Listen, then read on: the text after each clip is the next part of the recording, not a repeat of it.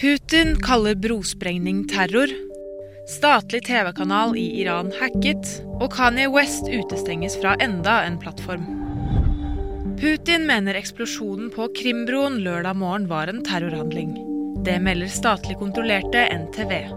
Lederen for Russlands etterforskningskomité, Aleksandr Bastrykin, hevder at russiske borgere sammen med utlendinger har hjulpet ukrainske spesialstyrker med å forberede angrepet. Ukrainske myndigheter har ikke bekreftet at det er de som står bak.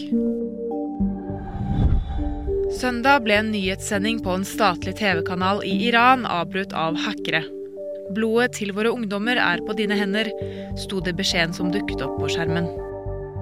Hackerne som sto bak angrepet, støtter de pågående demonstrasjonene som startet etter at 22 år gamle Masha Amini døde i moralpolitiets varetekt 16.9. Twitter har låst kontoen til Kanye West.